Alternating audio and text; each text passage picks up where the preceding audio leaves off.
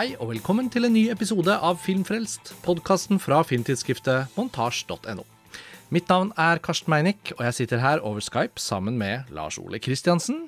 Hei, Lars Ole. Hei, Karsten. Og i dag skal vi lage et nytt kapittel i vår serie Fysisk format. Dette blir da den femte episoden som går inn under denne ekstraspalten av Filmfrelst. Eh, Jeg tror ikke vi skal introdusere den så veldig grundig enda en gang, Lars Ole. Eh, Faste lyttere vet at vi da har eh, jobbet med dette mm, spalteformatet da, det siste året. Og akkurat som i forrige episode, da vi tok ut Blu-rayen av Robert Altmans Images fra hylla, begge to, og så filmen, og deretter snakket om den på en podkastepisode, så har vi gjort noe lignende denne gangen. Og i sommer, Lars Ole, så skjedde det en liten serie med hendelser som gjorde at vi endte opp med å plukke akkurat denne utgivelsen som vi nå skal snakke om, ut av hyllen. Um, for meg så startet det litt med at uh, vår medredaktør da, i montasje, Hedda Robertsen, leverte sitt utrolig vakre, flotte essay om Jacques Rivette-filmen La Belle Noiseuse. Og den eh, filmen har jeg på Blu-ray uh, uåpnet på hyllen frem til da i sommer. Og i forbindelse med at jeg skulle lese teksten hennes, så så jeg hele filmen for første gang. Og filmen var fantastisk. Det er ikke den vi skal snakke om nå, men i den teksten så skrev Hedda om skuespilleren Jane Birkin, som jo mest av alt er kjent som et popkulturelt ikon. Sangerinne, skuespiller, eh, moteskaper. Altså, hun har på en måte Eller ikke moteskaper, men stilskaper, kan vi si. Hun eh, spiller en liten rolle i den filmen, og utrolig nok så gikk hun da bort eh, litt senere på sommeren. 16. juli så døde Jane Birkin. Eh, hun er også moren til Charlotte Gainsbourg. Og det gjorde også at Hedda utvidet noen av de refleksjonene rundt Jane Birkin over i en nekrolog, som er på montasje. For de som er interessert i å lese disse to tekstene, så anbefaler jeg deg veldig. Og så snakket vi to, Lars Ole, om det faktum at Agnes Varda, jo, på 1980-tallet, lagde to søskenfilmer med Jane Birkin, som verken du eller jeg hadde sett. Og det bød på en anledning som da er kimen til denne episoden. Får jeg med alle detaljene da? Ja, det vil jeg si. Altså eh, Kung Fu Master, det var eh, i en årrekke den Varda-filmen som det var vanskeligst å få sett. Mm. Og det Paradoksalt nok så har jo de tingene som kanskje fremstår mest obskurt, som um, kortfilmene og sånn, de har man jo alltid hatt tilgang på. I alle fall helt siden Mubi, eller Dot Mm. Earth, som det het eh, Ja. den gangen, åpnet portene en eller annen gang på slutten av 2000-tallet. Mm. Og så har jo eh, det britiske labelet Artificial Eye sørget for å tilgjengeliggjøre de fleste av de vesentlige filmene hennes på DVD, og etter hvert vel også på, på Blu-ray. Mm. Og Criterion-utgaven av eh, Cleo fra 57, Mm. det er jo nærmest å anse som en slags fysisk formatklassiker. Det er jo Nei, altså det er vel ikke en av de aller første, men nå tar jeg fram coveret her og ser at ja, det er nummer 73 Nei, det er i hvert fall den første jeg kjøpte. i samlingen. Altså, den var blant de aller første jeg anskaffet meg. Også bare designet Mm. på det coveret er eh, ikonisk. Jeg må si det. Eh, vi klager jo stadig oftere på Criterion sine design eh, nå til dags. Ja. Og blir nostalgiske når vi tar fram de formative coverne. Ja, ja. Eh, og ikke minst da disse dobbeltcoverne. Eh, som huset filmer som eh, Blikktrommen, 8,5, Solaris, eh, Laventura etc. Og jeg tenker jo at eh, poenget ditt da er, handler jo ganske mye om at Agnes Varda som filmskaper har strengt tatt eh, blitt eh, ganske godt tilgjengeliggjort i det fysiske formatets tidsalder. Da tenker vi liksom post-VHS, da i hvert fall. Fra DVD og over i Blu-ray. Og Criterion sørget jo også for å eh, gi ut eh, de filmene hun lagde i California Mm. i sin såkalte Eclipse-serie. For øvrig svært gode filmer som jeg anbefaler alle å, å se.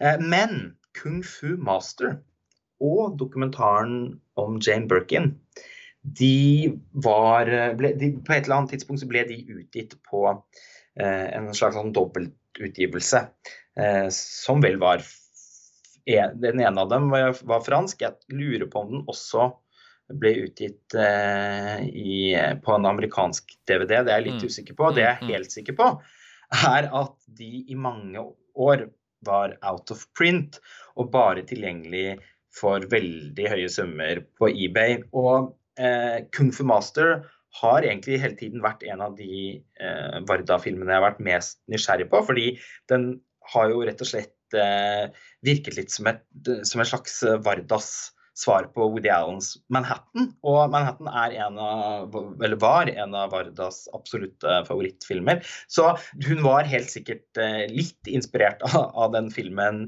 da hun eh, samarbeidet eh, veldig dynamisk da, med Jane Birkin om dette prosjektet. For ideen bak filmen var opprinnelig Jane Birkin sin. De, de laget eh, dokumentarfilmen Jane B. par Agnes V. Eh, og underveis i den prosessen så fortalte Jane til Agnes da, at hun mm. var på en eh, idé, mm. og at hun ønsket at, uh, at, at Varda skulle eh, regissere den filmen. Men ingen av de hadde egentlig særlig mye tid å, å ta, var forpliktet til en del andre ting. Og eh, finansiering er selvfølgelig et spørsmål, og i det hele tatt eh, så eh, ble det sånn at eh, Varda mente at de, de, kunne få til å lage filmen hvis de tok den opp eh, på en måte i ferien. Og, og det var jo da før dokumentarportrettet av uh, Birkin var ferdigstilt. Så på en måte midtveis uh, i innspillingen av den, så i stedet for å ta ferie, sånn som de egentlig hadde planlagt, så lagde de Kung Fu Master i stedet. Og det ble en sånn familieaffære. Fordi Charlotte Gainsbourg, datteren til Jane Birkin, spiller en av hovedrollene. Og sønnen til Agnes Varda og Jacques Demy Eh, Mathieu Demy, er det det han heter? Ja. Mm. Spiller eh, en annen av hovedrollene. Så ja, de dro på en måte på, på familieferie sammen ja. i Paris. Ja, Det er så utrolig fin eh, bakgrunnsfortelling, og det kan vi komme mer inn på når vi snakker litt om disse to filmene. da, Men um, Kung Fu Master, som jo den også heter sånn på filmtittelen på lerretet når man ser filmen, den er også omtalt som Le Petit Amour på fransk, hvis noen um, har, kjenner til filmen med, med den franske tittelen, tilfeldigvis. Men um, jeg må spole bitte litt tilbake, Lars Ole. Så det, det som da skjer ut ifra all denne tilgjengeligheten og hva vi var inne på rundt Varda, er jo at både du og jeg har strengt tatt gjennom årene hatt ganske god tilgang på og interesse for å se Agnes Vardas filmer. Så veldig mange av dem har vi jo sett. Cleo fra 57 er en av mine favorittfilmer. Det var faktisk en av de ti jeg sendte inn til uh, Sight and Sound-kåringen som vi ble invitert til å bidra på i fjor. Og um, likevel så har disse to filmene da blitt stående litt sånn usett.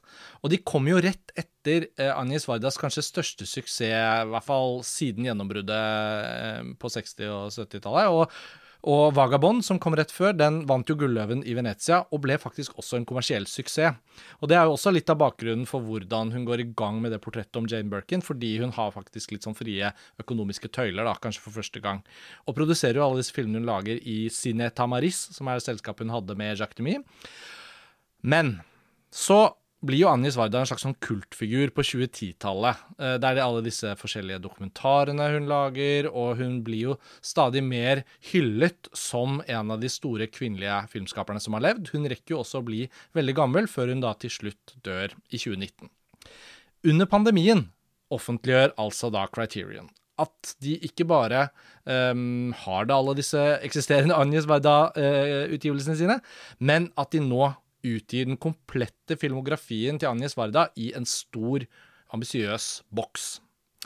De gjorde det jo med Ingmar Bergmans filmer. De har jo flere sånne lignende prosjekter. Um, og vi gikk naturligvis begge to til innkjøp av denne veldig flotte Agnes Varda-boksen. Ja.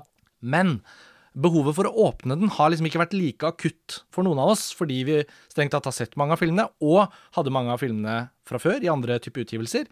Så episoden vi gjør nå, er på en måte dedikert til det at vi begge har åpnet den store Annie Warta-boksen for å se Kung Fu Master og Jane B par Agnes V. Og med det så betyr det at vi får ikke liksom diskutert alle detaljene ved boksen, fordi den nå inneholder jo alle filmene, som sagt, og, og masse ekstramateriale og en hel bok. Jeg tror vi kunne sittet der fram til jul ja, hvis vi skulle arbeide så, oss så, gjennom alt ekstramaterialet og nettopp. se de filmene ja. vi har sett på nytt, i tillegg til de som strengt tatt fortsatt er usett, og som har vært litt vanskelig å få tak i. F.eks. det merkelige eksperimentelle prosjektet 101 Nights, Mm. eh, Mm. som, eh, som, som, som jeg ikke har klokketro på, men eh, tross alt også er ganske nysgjerrig på å omsider få sett. Men nå som vi da har åpnet boksen, så kan vi jo da både si fra til lytterne om at denne episoden kommer til å handle om de to filmene spesifikt. Altså blir det ikke da en komplett gjennomgang av boksen. Men før vi går inn på de to filmene, så kunne jeg i hvert fall tenke deg Jeg, jeg, kan jeg sitter jo nå med den i hendene. Det er en veldig vakker, veldig sånn papporientert utgivelse. Det er jo en favoritt for oss begge når det gjøres på den måten. Mm. Og så må det sies at uh, selve formidlingen, eller hva skal vi si, kurateringen av hennes filmografi er gitt liksom et spesifikt utvalg. For når man åpner denne boksen, nå gjør jeg det, blar jeg liksom fra side til side, ganske sånne solide pappsider som er som sånne mapper hvor, hvor de ulike Blu-ray-diskene da er eh, på en måte satt inn. Og så er det delt inn i programmer, og det likte jeg veldig godt. Eh, Program 1, Agnes Forever. Program 2, Early Varda, og sånn fortsetter det. Og da har man liksom også, særlig hvis man ikke har sett noe Agnes Varda i det hele tatt, da, så har man på mange måter en sånn litt sånn ferdigprogrammert inngang. Nesten som om man kan følge sporet gjennom denne fysiske formatutgivelsen, som om man ser hennes filmer kuratert på et cinematek. Vi har jo allerede en episode om Le Bonheur, f.eks. Den er da plassert i program nummer fem, Married Life, sammen med to andre filmer. Altså, dette er jo en helt fabelaktig måte å organisere en filmografi på. Dette er virkelig god formidling av Criterion. Jeg er også veldig begeistra for designet Mm. på boksen, boken inni, som inneholder noen essays, eh, i tillegg til et utvalg av eh, Vardas fotografier. For hun var en helt fantastisk fotograf. Mm. Og eh, laget jo også en del installasjoner som også er representert der. eh, ja, via noen bilder, da. Så, eh, og, og jeg vet ikke helt hva du syns, men jeg syns Criterion bomma ganske stygt på designet på den Ingmar Bergman-boksen. Jeg syns den er stygg. Det er så mange veier å gå uh, når man lager en sånn boks om Ingmar Bergman, på en måte. Det må jo ha vært tidenes dilemma eller, eller kvaler. Og så gikk de for på en måte en sånn En gravstøtte, på en måte. Uh, Ja, det ble en veldig sørgmodig og tung de, de, de, Det er som om designet også gjør vekten av utgivelsen enda tyngre. Ikke på en god måte. Uh, formidlingen i Agnes Varda-boksen her er jo vesentlig mye luftigere og mer inspirert. Um, så jeg er helt enig med deg i det. Ja, og, det var spesielt skuffende også med tanke på at Criterion tidligere hadde uh, gitt så vakker form til uh, noen av Bergman-filmene uh, i, Mm. i, i form av, Ja. eh, av innpakning. Ja. Særlig trilogien om Guds stillhet-boksen er en av de aller fineste fysisk formatutgivelsene jeg, jeg, jeg vet om. Men eh, nok, om, nok om den. På, altså For å løfte fram et eh, eksempel på et helt fortryllende design fra Criterion i, samme, eh, i en utgivelse i samme skala, Federico Fellini-boksen. ja. Den gikk jo du for, det husker jeg. Ja, og til tross for at jeg har alle de filmene i ulike utgaver fra før av. Jeg må innrømme, der ble jeg sittende på gjerdet, men jeg, jeg observerte deg på avstand. Men den ble jeg nødt til å ha simpelthen på, fordi den var så fantastisk vakker. Da. Ja. Men kombinasjonen av et design som føles som det er i filmskaperens ånd, og presentasjon av innhold, det syns jeg de da lykkes helt spesielt godt med i denne Varda-boksen, som jeg jo fortsatt, eh, i likhet med deg, har til gode å bli mer kjent med i form av å se ekstra materiale og, og sånn. Jeg så litt grann på, på det som var på diskene til eh, JB og, og Kung Fu Master. Men, Mm. men ja, det virker i alle fall som vi begge er enige om at, eh, at denne utgivelsen her virkelig er helt sånn definitiv, da. Ja, den er virkelig definitiv, og jeg kan jo oppmuntre lytterne, da. For de av dere som ikke har sonefrie Blu-ray-spillere, så er den jo utgitt på sånn ABC-sone, så det kan jo ses med alle mulige Blu-ray-spillere i Europa, i hvert fall. Og øh, sist jeg sjekket, det var i går, så kostet den 3500 hos platekompaniet. De har importert den, så det er jo en veldig fin måte å støtte norsk uh, importindustri på, skal man si, innenfor fysisk format. Men uh, den er også tilgjengelig selvfølgelig da fra internasjonale nettbutikker og sånn. Men da følger du med frakt og toll og det hele. Men den er i hvert fall ikke out of print ennå. Og du får jo så mye i denne utgivelsen at uh, for alle som er i hvert fall over gjennomsnittet interessert, så tenker jeg at det er en no-brainer hvis man skal ønske seg en julegave eller noe i den dur. Vi skal bare gå til da de filmene, da. Så nå har vi på en måte fått satt rammene. Eh, det er veldig gøy å lage en fysisk format-episode igjen, Lars Ole. Bare si det. Jeg gledet meg de siste dagene etter at vi bestemte oss for det. Det er jo litt sånn, ja, jeg kjenner det. ja, det er litt sånn midt på sommeren og Ja, det er sånn, litt sånn overskudd, og det er veldig koselig. Og vi, vi har jo sagt tidligere at disse episodene, når det, i hvert fall når det bare er du og jeg og ikke liksom intervjuer noen eller noe sånt, så, så er det jo litt gøy at vi har en del digresjoner, da. Så det kan vi jo bare varsle lytterne om at her kommer det til å gå litt i alle retninger. Uh, Jane Birkin var inngangen. Uh, Anje Svarda har jo da um, i akkurat denne perioden konsentrert seg helt spesifikt om Jane Birkin. Og, ja, altså Hun er en egen kategori i boksen. Nettopp. Det er program nummer ni, og den heter bare Jane B.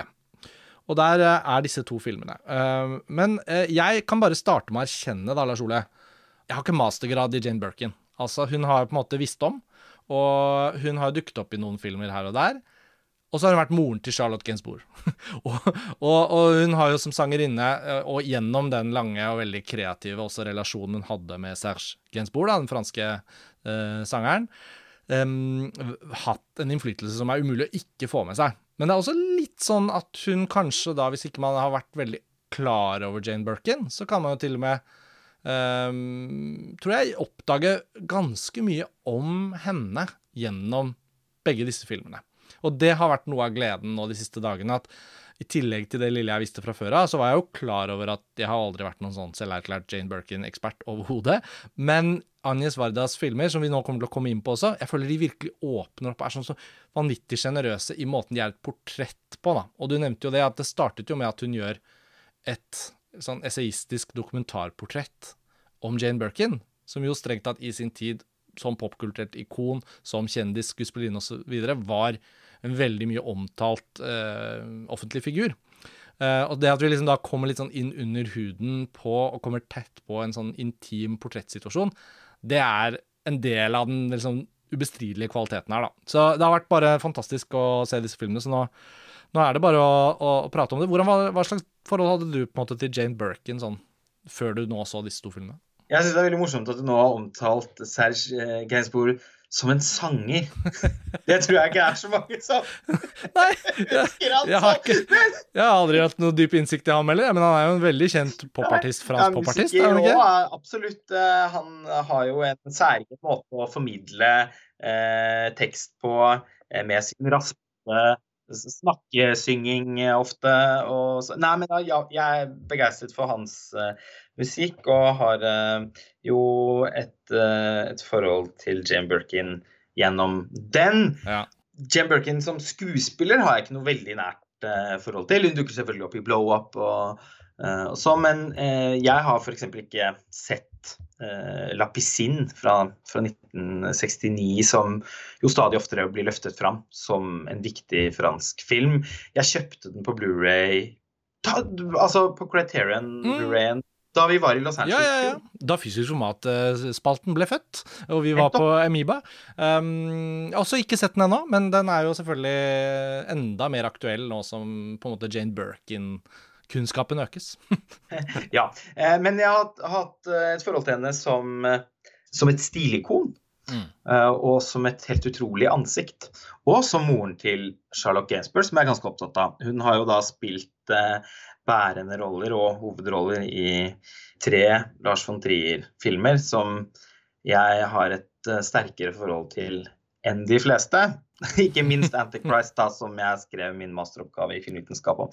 Så eh, altså hele dette altså Gainsbourg, Birkin-aksen, den, den, er jeg ganske godt kjent med. Men eh, som skuespiller så har jeg nok hatt til gode å ha en såpass slående opplevelse som jeg hadde av henne i Kung Fu Master. Mm.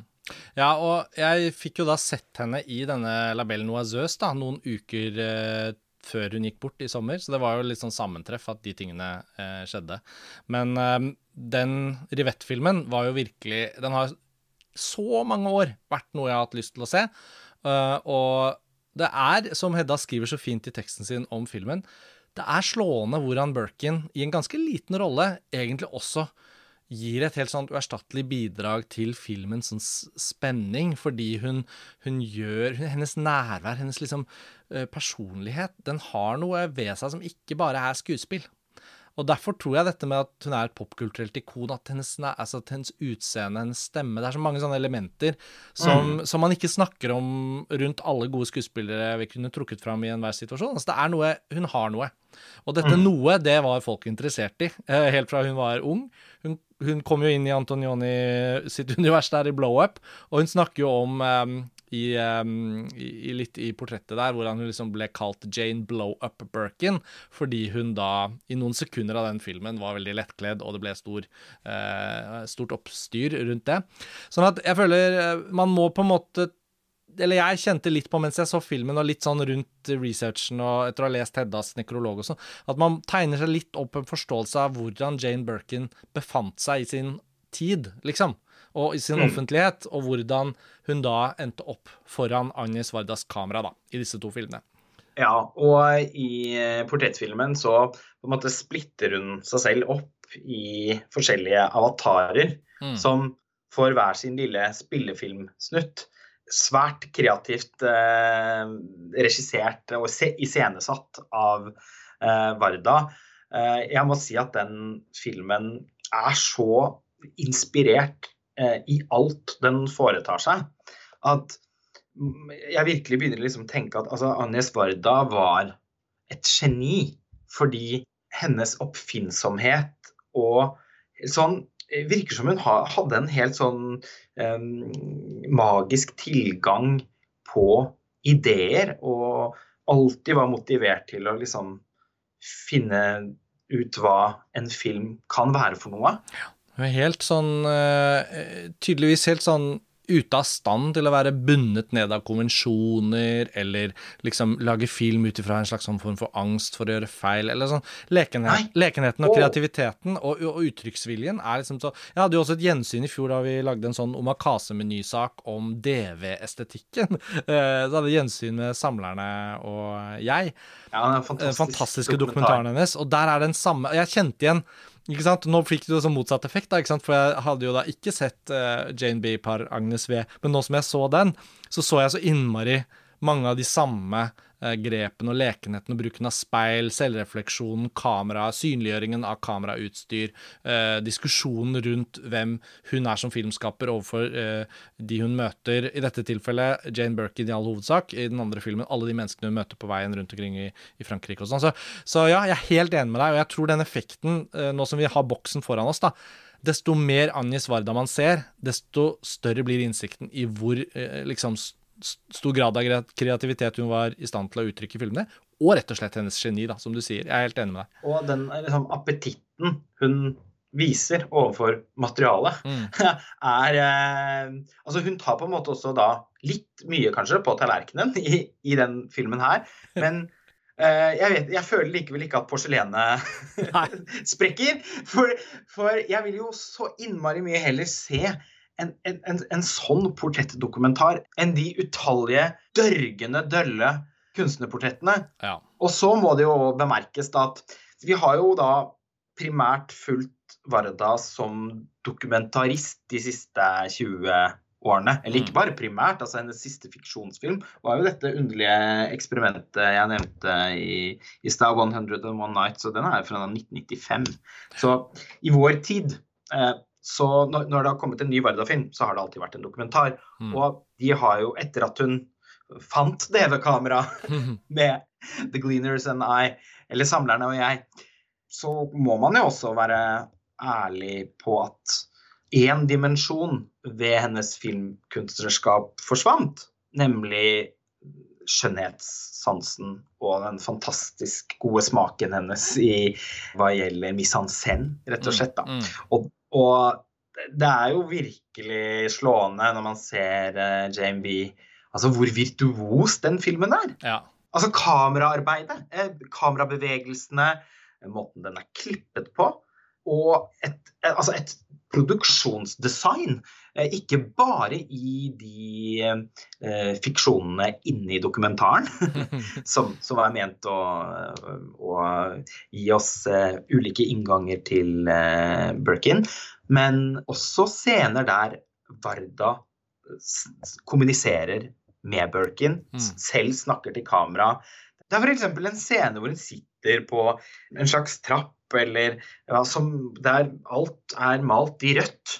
Mm. Uh, og så er det noen sorte elementer, og så er hun selv kledd i sort og rødt. Og uh, sort og rødt er det i det hele tatt påfallende mye av i, i, i, filmen. Uh, min favorittsammensetning av farger vet alle som er godt kjent med hvordan jeg kler meg. Ja, det... Så, ja. ja, altså... jeg, jeg, jeg syns det var også så mye i måten denne filmen var laget på, som påkalte veldig mye av oppmerksomheten min. Og av og til kan man jo, hvis man skal være, prøve å være litt filmkritiker, og ikke bare entusiast, eh, ja. si at det kanskje kunne komme litt i veien for å bli kjent med Jane Birkin sånn på dypet. Men på den annen side så eh, ønsker hun vel også å fremstå som et enigma. Og Charlotte Gainsbourg laget jo en portrettdokumentar om sin mor ja. i, som hadde premiere for et par år siden. 'Jane by Charlotte'. Ja, for den har du sett, har du ikke det? Jeg benyttet anledningen til å også se den.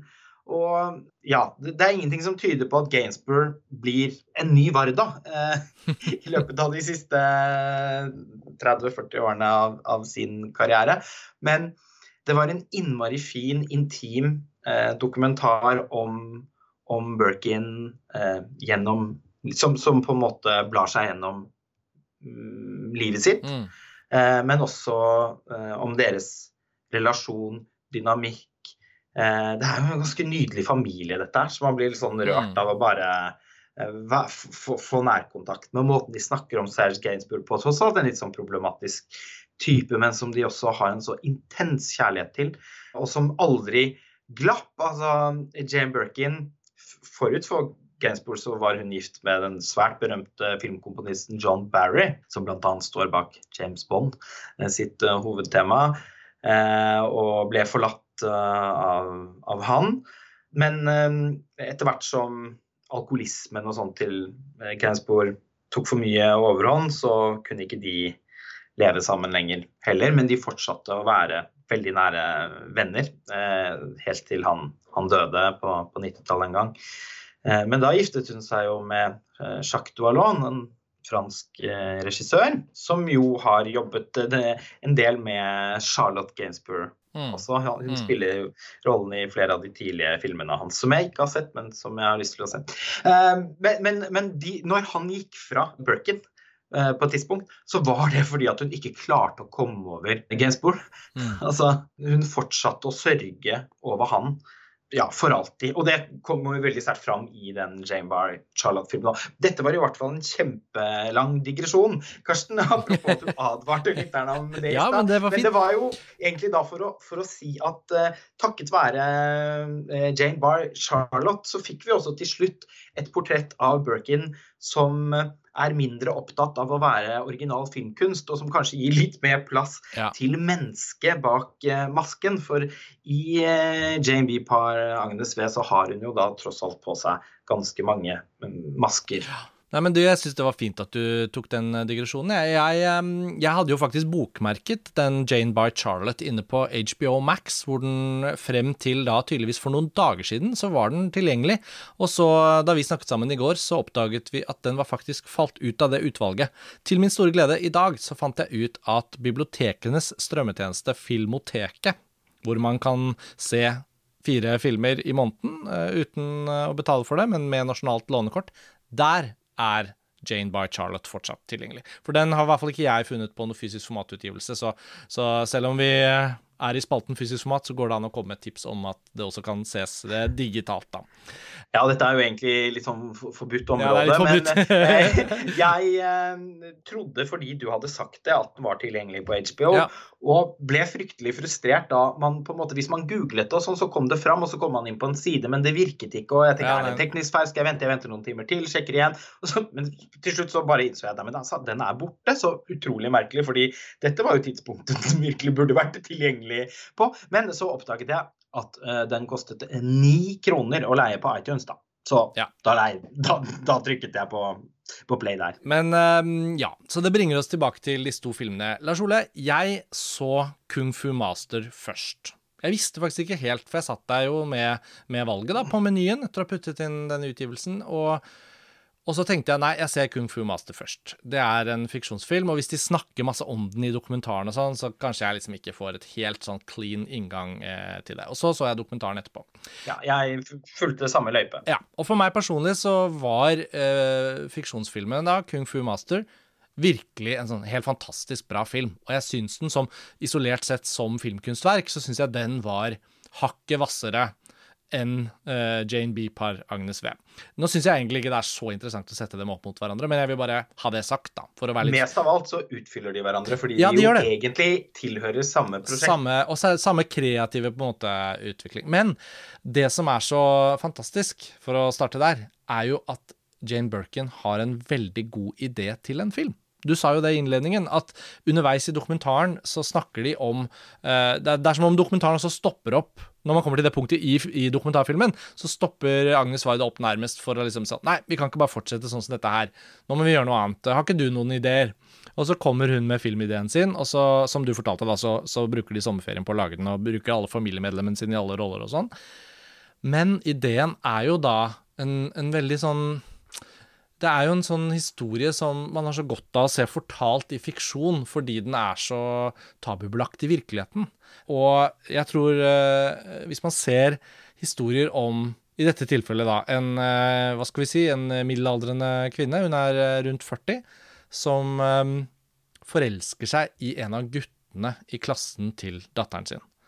Og han gutten er spilt av Agnes Vardas sønn, da, Mathieu Demi. Og um, han er veldig opptatt av et sånt arcade-spill, Kung Fu Master, som står da i uh, Paris kafeer rundt omkring da i denne perioden i 1988. Og um, sakte, men sikkert så utvikler det seg en relasjon dem imellom, da. Og Jane Birkins rollefigur har en tenåringsdatter, som da selvfølgelig går i klassen da til han gutten, spilt av Charlotte Gainsbourg. Og en liten jente som er fem-seks år, kanskje, som da er den andre datteren, Lou Doyon, som hun har med han, Jacques Doyon, som du nevnte. Og dette er jo en sånn tabubelagt romanse, som sagt, men måten det er skildret på i denne filmen, gjør også det litt sånn ugreie, da, som også selvfølgelig fiksjonsfortellingen behandler, naturligvis. Det gjør det til en, en måte å komme tett på en sånn sår, tapt, nostalgisk følelse som egentlig også det dokumentarportrettet av Jane Birkin har. Og jeg syns det var en sånn litt sånn uh, alkemi som oppsto mellom de to filmene. Fordi det ene er jo en fiksjon, og den spilles ut veldig sånn som en typisk film om noe sånt. Veldig skarp og fin film, apropos, da. Eh, 80 minutter lang, eh, helt to the point. Helt sikkert, som du sa, inspirert av Manhattan til Woody Allen. Men jeg likte også hvordan den var så veldig sånn eh, uskyldig, strengt tatt, da. Og noe sånn ikke eksplisitt, og at den var på en måte ikke, ikke en kontroversiell behandling. Og at den klarte å, å diskutere den tematikken på en interessant måte, uten å liksom bli sånn eh, sjokkerende i hermetegn, da. Det er jo ikke Manhattan heller, da. Nei, nei, nei, nei. men da tenker jeg mer på Det er sånn det bare ja, nei, men, liksom, nåtiden som skal Nettopp. prøve å gi et inntrykk av. Det var det jeg mente. Det var det jeg mente. Og det jeg skulle ha sagt, var at jeg tenkte selvfølgelig Det var umulig å ikke tenke på Katrin Breiats helt nye film som vi så i Cannes.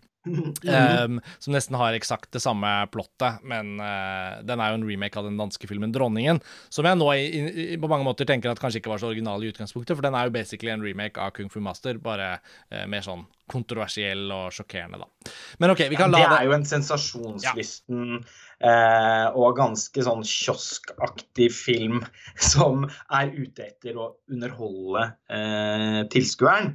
Eh, selv om den også stiller noen altså, interessante eh, moralske spørsmål ja. og i det hele tatt eh lykkes med, uh, med å behandle tematikken på, på sin måte. Ja, men det...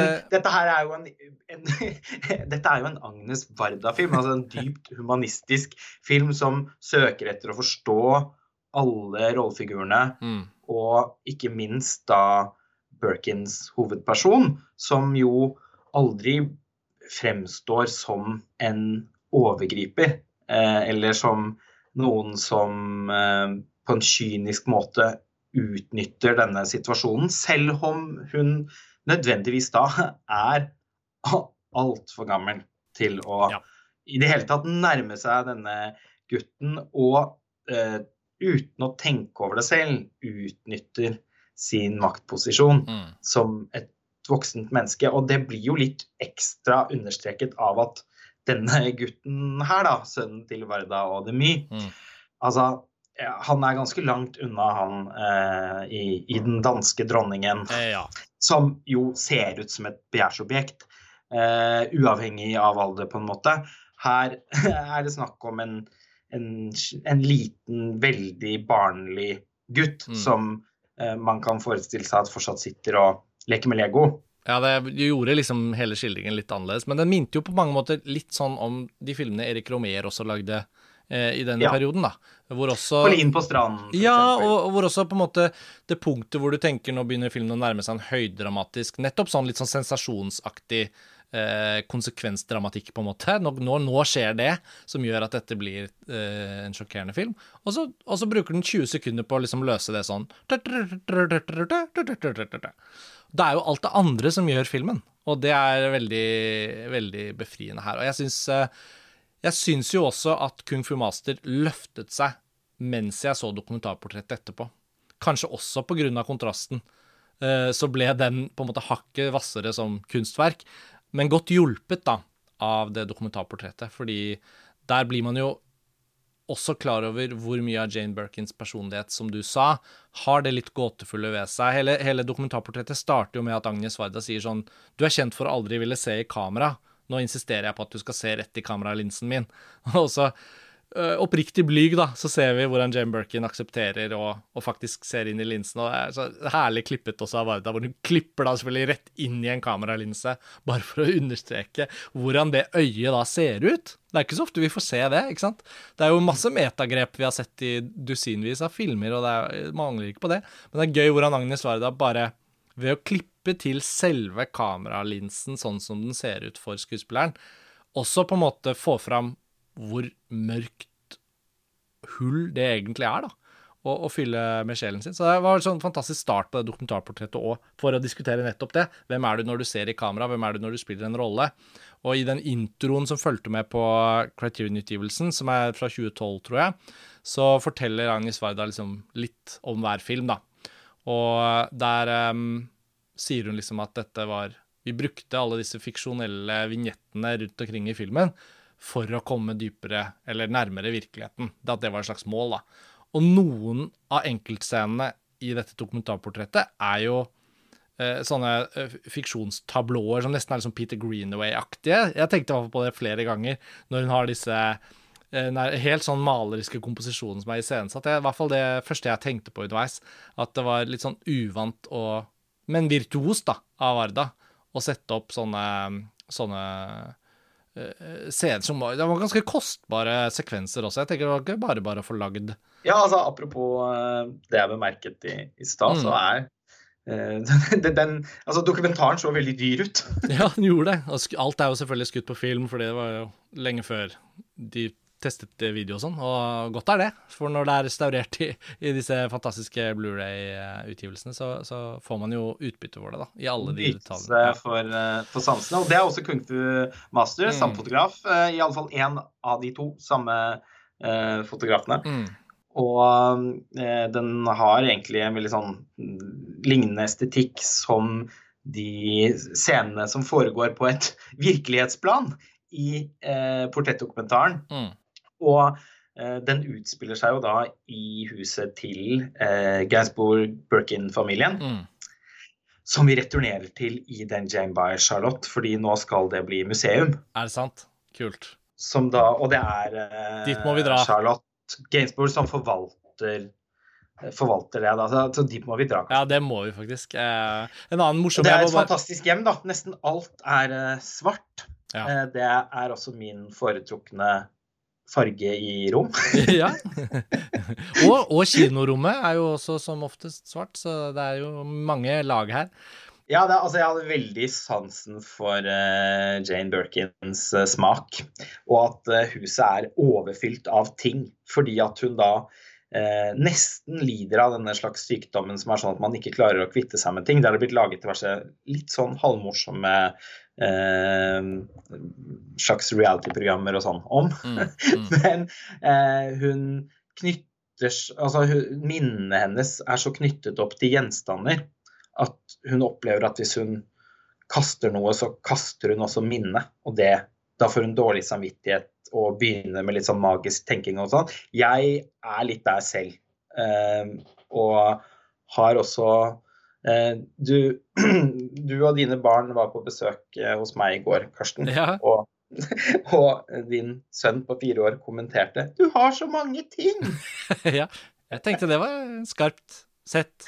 Ikke så vanskelig å se, men uh... Ja, det var ja, For jeg følte meg også litt sånn truffet da jeg så eh, eh, eh, Ja. filmen. Jeg samler jo på så mye greier. Og apropos denne podkast-serien. Ja. Men uh, Alt hører sammen. Jeg, men jeg kan kunne sittet og sett på det hjemme en hel dag på Mm. film. mm.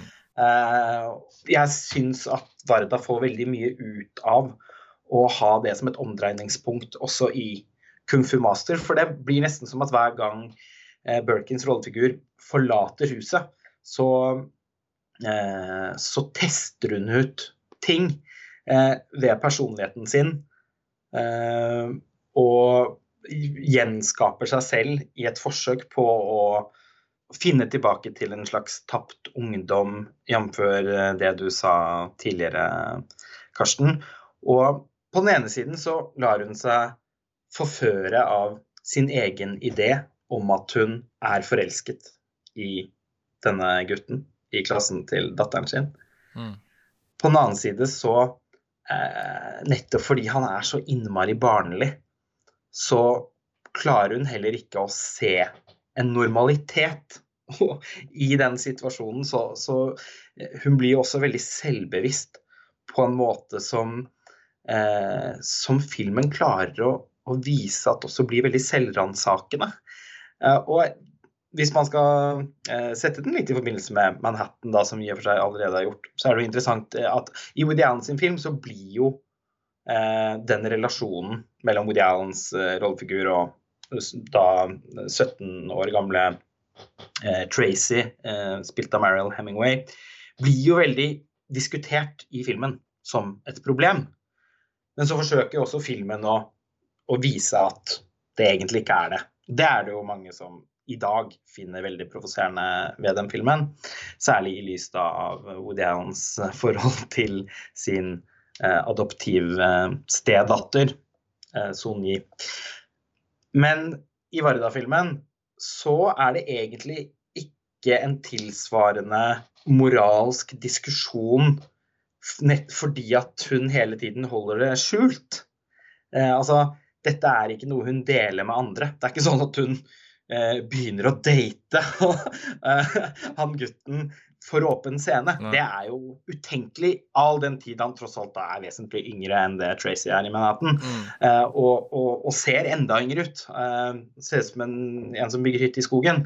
Så, eh, men på et tidspunkt så sprekker jo boblen, fordi hun blir avslørt på en uh, tur til London, der hun og datteren eh, og døtrene hennes, egentlig bare de, skulle besøke hennes foreldre. Eh, og så har han gutten blitt med da egentlig for å liksom holde datteren med selskap. og så går det veldig galt. Og så blir hun jo på en veldig sånn virkelighetsnær, hard måte rammet av konsekvensene. Så filmen forsøker jo på ingen måte å eh, idealisere, romantisere, eh, bortforklare, eh, godkjenne den forbudte relasjonen, men holder oss lenge så tett på hennes perspektiv at uh, den likevel uh, er empatisk overfor sin hovedperson, som jo føles veldig riktig for den filmen. For det er jo noe av hele poenget, og årsaken til at Jane Birkin ønsket å utforske den på en måte En lengsel i henne selv som egentlig da på en måte er Kunne vært en av de små fiksjonene innad i Jane B, men som krevde lengre spilletid. Ja, ja, veldig bra sagt. Eh, jeg tenker også på at to elementer som spiller inn her, da, er jo at Jane Birkins rollefigur har en voiceover, så vi er veldig tett på hennes indre. Hun reflekterer og debatterer med seg selv. Hvorfor gjør jeg dette? Jeg måtte bare liksom prøve å finne en måte å møte han igjen, osv. Og, så og det har jo en veldig uskyldig Altså selve liksom Måten de blir kjent med hverandre på, de første par scenene har jo veldig sånn naturlig uskyldighet over seg. Og så er det jo likevel mange scener hvor også han gutten tar noen initiativer som hun avviser veldig. Sånn at det skjer jo også små episoder som gjør at ikke dette bare er sånn som skjer helt sånn uproblematisk. Eh, eh, og i tillegg så er det jo ikke eh, mulig å se bort fra at Agnes Vardas egen sønn spiller han gutten. Så Agnes Vardas kamera, måten det ser på ham, er jo mors blikk. Mm. Du kommer ikke unna at det er mors blikk. Og dermed er det jo også noe med denne relasjonen for denne eh, karakteren har ikke en sønn, hun har to døtre. Hun har to døtre med to ulike fedre, og hun er ikke sammen med noen av fedrene lenger. Sånn at mellom linjene her så ligger jo også egentlig de litt sånn skadeskutte sidene ved Jane Birkins karakter er egentlig allerede fortalt. Og i tillegg, for å bare gjøre det enda mer sånn sørgmodig og, og syns jeg veldig sånn og trist å tenke på, da, det går på utsiden av fiksjonen, da. Men Jacques Demy selv, han døde i 1990, to år senere. Og mange, mange år senere så fortalte uh, Agnes Varda, uh, jeg tror det var i 2008, at Jacques Demy faktisk døde av komplikasjoner fra hiv-aids. Og den epidemien utspiller seg jo også med en slags form for sånn barnets lekenhet i Kung Fu Master. Og, ja, den er adressert uh, i opp i flere av scenene. Ja, ikke sant. De forholder seg til, til um, informasjonsfilmer, uh, kondomer Utdelinger av Så følger med i magasiner, alt dette her, ikke sant. Og det blåses, det lages vannballonger av kondomer, ikke sant. At vi er der på en måte på det nivået, og noen tuller med det med på en måte um, fiendtlig tone rundt at dette er en sykdom som bare rammer de skeive, osv. Som blir adressert av karakterer som sier sånn Det kan du ikke si. Hvordan kan du si noe sånt, osv. Men under overflaten da, så ligger jo da kanskje et sykdomsbilde i familien, som også gjør det så utrolig sørgmodig hvordan, hvordan disse to filmene ble skapt akkurat rett før. da, Og, og Gensbor dør vel i 1991, ikke sant. Så det er på en måte For å bare komme tilbake til der vi startet, at dette er også sånn to familier som sammen portretterer hverandre i en fase hvor flere av de mest elskede menneskene i deres liv er på vei ut av tiden. da. Og det, det, tenkte jeg på en del etter å ha sett de to filmene. Og ja. Um, han eh, Mathieu Demy også, som jeg aldri har sett som barneskuespiller da, før nå, var jo veldig lett å kjenne igjen. Så tenkte jeg, hvor er det jeg har han fra? Ikke som barn, selvfølgelig, men hvor er det? Han har jo blitt skuespiller. Jeg har jo sett han i Og det er en eller annen film.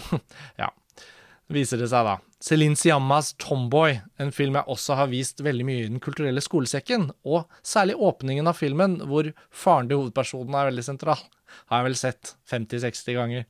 Eh, og Mathieu Demi spiller jo da faren til hun nydelige eh, hovedpersonen i 'Tomboy'. Så ja. Dette er jo et litt morsomt sammentreff, Karsten, fordi eh, noe av det første Jeg så filmen litt før deg, og min SMS eh, til deg lød vel noe sånt som at Wow! Eh, Vardas Siamma-film. Ja. Kung Fu Master. Fordi jeg tenkte mye på Siamma imens jeg så den. Og Celine Siamma har jo selvfølgelig, eh, det er jo helt opplagt, eh, men hun har jo virkelig også snakket mye om betydningen av Varda og Varda-filmene. Siamma selv var jo manus, gikk jo på manuslinjen på den franske filmskolen, og har jo på en måte også skapt regi karrieren sin, ikke ut ifra å ha en sånn veldig sånn konvensjonell, proffutdannet form for regi, men det har kommet mye mer organisk uh, fra en sånn fortellerform som kanskje er mer sånn skapt som skrivende uh, først, da. Og hun er jo helt utrolig god til å fortelle historier om og med barn Mm. og ungdommer, Mm. og ikke minst til å instruere unge skuespillere. Og det har jeg ikke sett så mange eksempler på eh, i Agnes Varda sine filmer. Nei, jeg er enig. Fram til nå. Nei, For eh, altså, jeg syns jo Birkin sin tilstedeværelse er, eh, som du var inne på innledningsvis, helt spesiell og magnetisk. Så jeg kan på en måte ikke rive øynene mine vekk fra henne. Jeg ble faktisk enda mer imponert over ungbarna eller ungdommenes skuespillerprestasjoner, Mm. og særlig Charlotte Gainsborough. Ja. Da måtte jeg ta på pause og sende deg en melding, fordi jeg var ikke forberedt. Hun er altså så god, også før, før det blir veldig dramatisk, men hun har en scene, uten å si noe mer, men som bare virkelig bare ja, rammer. Ja, og det er eh, i den situasjonen hvor det blir oppdaget at det er noe som foregår her, som, som er helt uh, på trynet. Mm. Og den skuffelsen i hennes ansikt. Mm. Og det at hun Og apropos at uh, filmen på så mange måter føles nære livene til de involverte, da Mm. så er jo også de da i en litt sånn opprivende fase av livet. Altså Serge Gainsbourg, det hjemmet som, som ikke lenger er det samme, eh, som de nå spiller inn en film i. Og i det hele tatt så Mm. Det er som at hun klarer i den scenen å uttrykke alt det. Mm. Det er eh, helt eh, Det er jo på en måte så bra eh, filmskuespill kan bli, det. Så hvis noen skulle være i tvil, så er jo dette da åpenbart to anbefalinger fra oss. Ja, og særlig, altså ikke minst da som en double bill. Altså. Jeg syns Kung Fu Master var øh, Altså, det blir ikke lenge til jeg ser den øh, igjen. Og den umiddelbart en av Vardas aller beste filmer, Mm. syns jeg. Eh, jeg. Jeg vil anbefale å se dem som en double bill fordi det er et prosjekt. Og det er, krysspollineringen der mellom de to filmene er så åpenbar. Og jeg føler virkelig at Jeg anbefaler òg den rekkefølgen som både du og jeg valgte, nemlig å se eh, Kung Fu Master først, etterfulgt av portrettet. Mm. Men nå, etter hvert som dagene eh, har gått, da, så har jeg virkelig landet på at, at det utgjør en slags helhet for meg. Og at de er såpass viktige for hverandre at det kanskje ikke er helt den samme opplevelsen hvis man bare ser den ene uten å se den andre. Men apropos eh, denne familien og litt sånn ugreie eh, relasjoner, så eh, endte jeg da også opp med å se filmen som eh, Serge Gainsbourg skrev og regisserte og castet datteren sin i. Charlotte Forever. Oi, dette, dette må, Nå er jeg spent. Den DVD-en fra et uh, svensk label, kan det være sånn Njuta Films eller noe sånt, noe litt usikker, husker ikke nå på stående fot, og det er for langt fram til hylla til at du, skal, du Så stor er samling, så stor er samlingen her, at det er litt Ja, dette er veldig morsomt likevel, da. At så stor er samlingen at uh, kilometerne du må gå for å hente denne, uh, er faktisk så omfattende at vi vet ikke om vi får det med i episoden. Vi får det kanskje med, skal vi se. Nå forsvinner Lars Ole bort fra mikrofonen, og så returnerer han straks for å fortelle oss hvor denne Serge Serge Gainsbourg Jeg kan bare sitte og snakke mens du går og henter den, jeg, Lars Ole. Ja.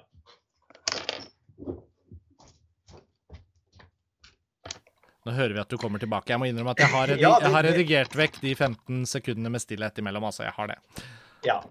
Eh, et tidsklipp. Det viste seg at eh, jeg husket riktig. Det er Njuta Films som Ja. står bak eh, denne utgivelsen fra 2011. Og det, det, det stemmer veldig godt, fordi det er en På Nordbysenteret på Svinesund så er det en eh, ja, en film-musikkbutikk som heter GMJ. For alle filminteresserte i Østfold, som har vokst opp i Østfold, så, ha, så er det å regne for en institusjon. for før i tiden så pleide det å være sånn at uh, mange filmer kom ut tidligere i Sverige enn i Norge. Men ikke minst så var det på en måte flere filmer som ble utgitt i Sverige. Uh, ofte lavt priset. ikke minst der ute på, på GMJ. Mange av bærebjelkene i de eldste delene av filmsamlingen min er kjøpt der, eller på den andre filialen som en gang eksisterte på et kjøpesenter som heter Veteranen. Dette er fine detaljer, dette liker jeg. Og nå er det jo ytterst sjelden at jeg svinger innom der. Jeg pleier jo stort sett å tilbringe sommeren i, i, i Halden. Eh, og, og, da blir det gjerne kanskje én eller to turer innom i forbindelse med annen handel. Men eh, i 2011, da denne ble utgitt, så var jeg der ganske ofte. Hver gang jeg returnerte til min hjemby, så ble det stort sett en tur ut dit. Og dette er jo året da Melankolia hadde premiere. Og jeg er eh, i prosessen med å ferdigstille den masteroppgaven min, som handlet om eh, Lars von Triers Antichrist. Og Charlotte Gainsborough er på en måte en ny superstjerne som jeg blir veldig opptatt av. Mm. En autør i seg selv? Rett og slett. Og så oppdager jeg denne filmen eh, på hylla der ute. Og bare i all verden, hva er dette for noe? Serge Gainsbourg lagde en film med henne. Eh, nei, den må jeg jo kjøpe. Og så ble den liggende. Fram til nå! så den ble liggende i tolv år, da. Ja, men det, Dette er jo fysisk mat på sitt beste. Du gjør investeringen, du har den på hylla. Og når, når anledningen endelig kom, så trengte du ikke å lete på internett. Nei, og eh, Nei, og jeg vet ikke om du kjenner til låten eh, 'Lemon Incest'? Nei. jeg kan Men si det er, var en veldig kontroversiell eh, ja, hit. Uh, Gainsbourg sto bak, uh, og da med Charlotte Gainsbourg, altså datteren hans, da, i den låten, uh, som jo naturligvis er på fransk. Og i og med at jeg da ikke behersker det språket, mm. så mm. kan jeg ikke gå i detalj på hvor det Men den var, det var veldig kontroversielt. Og som det blir understreket i Jane by Charlotte-dokumentaren til Charlotte Gainsbourg, så elsket Serge Gainsbourg å gjøre ting på en provoserende måte. Eh, og gjerne litt sånn in poor taste for å fremkalle eh, reaksjoner, provosere. Og denne filmen her er jo da laget som en sånn målrettet provokasjon, fordi han bygger da videre på eh, de sterke reaksjonene som oppsto i forbindelse med Lemon Incest. Og lager da et portrett av en særdeles uh, alkoholisert eh, manusforfatter med, uh, med, selvmordstanker og som lever et forferdelig destruktivt, jævlig liv i, inne i sin leilighet, der han til stadighet har besøk av noen andre sånn aldrende, vemmelige menn som sitter og drikker sammen med han, og som alle begjærer den vel ja, sånn 13 år gamle datteren hans, spilt av Charlotte Gainsbourg, da, som eh, og da har en veldig sånn, sånn ubehagelig fysisk forhold til sin, til sin far i, i, filmen eh, på hans initiativ. Og hun er da liksom delvis naken eller, og, eller lettkledd i store deler av filmen. Og i det hele tatt, altså Høres ganske drøyt ut, eh, må jeg si. Ja, det var veldig drøyt. Og jeg syns det var en veldig fæl og dårlig film. Som, ja. som jeg ikke kan anbefale med mindre man er veldig opptatt av Gainsbourg Birkin-familien ja. og, og Gainsbourg som artist. Da vil jeg tro at den er altså, jeg er jo, eh, For de som virkelig er dedikerte fans, så er dette pensum, vil jeg tro. Men for alle andre er det helt uh, klart noe, en, noe, som til nøds er en eh, litt sånn kvalmende kuriositet. Men med en veldig fet poplåt uh, som bærer filmens tittel, 'Charlotte Forever'. Den, mm. var, den fikk jeg på hjernen umiddelbart etter å ha sett filmen. Og det er klart at når en film da på en så kamikazeaktig måte gjør liksom alt den kan for å være liksom fryktelig, så, så gjør den altså inntrykk på en eller annen måte. Altså den, den hadde, vært, hadde, jeg sett den sammen med noen, så hadde den vært veldig artig artig å sitte og diskutere litt etterpå. Så sånn sett så skal jeg ikke frarøve den all verdi, men den var fæl. Det høres jo ut som det aller mørkeste kapitlet av det vi har vært innom da nå, eh, i hele denne familie... Dette dynastiet av kunstnere. Charlotte Gainsbourg har jo naturligvis blitt kon konfrontert med den filmen en del anledninger, men hun har da liksom understreket at hun var med på spøken, eh, og at hun ikke har noen traumatiske opplevelser knyttet til, til, den filmen. Eh, og så kan man jo si at vel, altså eh, det, det, er, det, er, vel ikke nødvendigvis sånn at en, en, en 13 år gammel person eh, skal bli manipulert til å være med på den spøken. Men i alle tilfeller så er ikke det Innad i familien så, så, sitter man også da igjen med inntrykk av at dette her egentlig gikk eh, helt greit, fordi sånn var han jo. Vi, får, vi, vi kan i hvert fall slå fast at Agnes Varda, som caster sin egen uh, sønn i en film, er uh, vesentlig mer Hva skal vi si? Uh, altså, empatisk og forsiktig i sin uh, bruk av sitt eget barn i en sånn type film enn det Gensburg kanskje var med altså, dette Charlotte. Dette tenkte jeg ikke på imens uh, jeg også kjedet meg intenst i store strekk gjennom filmen, for den var veldig seig og ja. innholdsløs, egentlig. Uh, men altså det, det, det, var Nå blir jo disse Parallellene er Nå er jo disse to plutselig en slags double bill. Ja. Men utrolig morsomt da, at du fikk trukket inn det nå. En fars blikk på sin datter og en mors blikk på sin søster. Ja. ja. det Her kommer uh, det mannlige blikket forferdelig dårlig ut, ja. i hvert fall. Der fikk du da trukket inn eh, en obskur eh, fysisk formattittel fra samlingen, i tillegg til det vi har snakket om. Lars Ole, denne praten ble jo litt lengre enn forutsett, men på en måte kunne vi jo forutsett at det ble langt, for det var mye å snakke om. Jeg foreslår kanskje at vi oppsummerer. Jeg, jeg tenker at Agnes Varda-boksen har fått sin grundige presentasjon. Vi har mye mer å se frem til, alle vi som er i besittelse av denne boksen, og som kan bla oss gjennom alle de forskjellige kapitlene som da er formidlet. Det avsluttes med program 15, Beaches. Mye av Agnes Varda er jo tilgjengelig digitalt, men det skal vi ikke fortelle noe mer om enn det. Men uh, det er i hvert fall godt mulig å se mye Annie Svarda, men Kung Fu Master, som sagt, den uh, ser man best fra denne utgivelsen, da. Kung Fu Master var hennes nest siste fiksjonsfilm, tenk på det. Mm.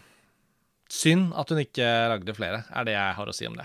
Ja, også, og den filmen fra 1995 er jo da, etter hva jeg har skjønt, et ganske mislykket eksperiment. Eh, og vel, ja, på en måte ikke en tradisjonelt fortalt film på noen som helst måte, som jo Kung Fu Master er. Mm. Altså Varda dyrker ikke her en fortellerstil der hun ønsker å aktivt bryte med konvensjoner. Eh, vi kjenner jo Varda som en filmskaper som oppsto i forbindelse med den franske nybølgen. Mm. Nå, altså, Nybølgen var jo egentlig da delt i to. altså Det var jo Eh, den fraksjonen som Ja, det var mm. den fraksjonen som var tilknyttet Cahiers Cinematidsskriftet. Mm. Godard, eh, Truffaut, eh, Rivette, Romer, Chabrol osv. Og så den, så, den såkalte Riv Gauche-gruppen, eller Left Bank-regissørene, som da var noe eldre, og som ikke hadde bakgrunn som eh, verken skolerte filmarbeidere eller altså, Det er vel ikke så mange som har bakgrunn som idet de begynner å lage film på den tiden i Frankrike, men eh, de var egentlig eh, vel så knyttet opp til andre kunstuttrykk mm. før de begynte å lage film. Eh, Chris Marquer, eh, Alain René, eh, Alain Rob Grier eh, og ikke minst eh, hverdag, da. Ja, altså til, eh, Hvis jeg skal si en aller siste ting, så tenker jeg jo at den vi da ikke fikk kommet inn på i denne episoden, var jo egentlig Jacques Demy. Og han har jo også en Criterion box som heter The Essential Jacques Demy. Det er ikke alle filmene hans. Det er ikke en sånn komplett boks sånn som den Annis Varda-boksen. Men eh, 80-talls-Varda og sånn kjente jeg meg litt sånn økt nysgjerrighet på nå etter å ha sett disse to. Uh, Vagabond har jeg selvfølgelig sett uh, tidlig og alltid visst om og alltid likt veldig godt. Um, jeg kan anbefale deg Los Angeles-filmene, og særlig ja. den som heter Dokumentør. Ja, som, det har jeg notert. Uh, det... Nei, jeg, jeg, altså, jeg elsker portretter av Los Angeles, ja. fordi jeg er så fascinert av den byen. Og det er en av de Eller ett av de beste. Men, men, men så ser jeg jo da her uh, på For nå hentet jeg den Jacques Demy-boksen. Um, og der er jo en av hans filmer i boksen er også fra 80-tallet. Un chambre en ville. Uh, en vie. Uh, A Room in Town fra 1982. Som jeg faktisk strengt tatt egentlig aldri har hørt om. Men jeg vet jo at den er i den boksen, og jeg har ikke sett den. Så kanskje det, kanskje det, kunne vært noe. Men OK, vi skal ikke gå inn på enda en uh, linje nå. Jeg tror kanskje vi burde oppsummere og avslutte. Altså som, Om sommeren så liker jeg egentlig aller best å se masse skrekkfilm. Så, ja, så det blir... dette her har uh, på en måte invadert noe annet det øvrige prosjektet. Ja. Mm. Men ok. Så nå skal jeg snarest vende tilbake til noe eh, italiensk eh, på menyen her. Gjør det. gjør det. Men vi, vi, har jo denne spalten fysisk format kunne vi egentlig, hvis vi ikke gjorde noe annet, så kunne vi jo laget ekstremt mange episoder. Um, men det føles litt sånn fint at vi i hvert fall fikk laget en sånn, uh, et lite sånn innstikk i sommer. Sommerfilmseingen vår. Um, jeg tror vi sier uh, takk for nå. Lars Ole, vi høres jo veldig snart igjen, og plutselig, før vi vet ordet av det, så begynner jo sensommeren å gli over i tidlig høst. Om ikke så altfor lenge, så er det jo filmfestival i Venezia igjen, så um, ukene går fort. Helt uforlignelig ja, program. Ja. Så det gleder vi oss veldig til. Men um, ja. inntil videre så kan vi i hvert fall si takk for nå. Takk til dere der ute som hører på Filmfrelst, og vi høres veldig snart igjen. Lars Ole, takk for denne gang. Ha det bra. Ha det bra.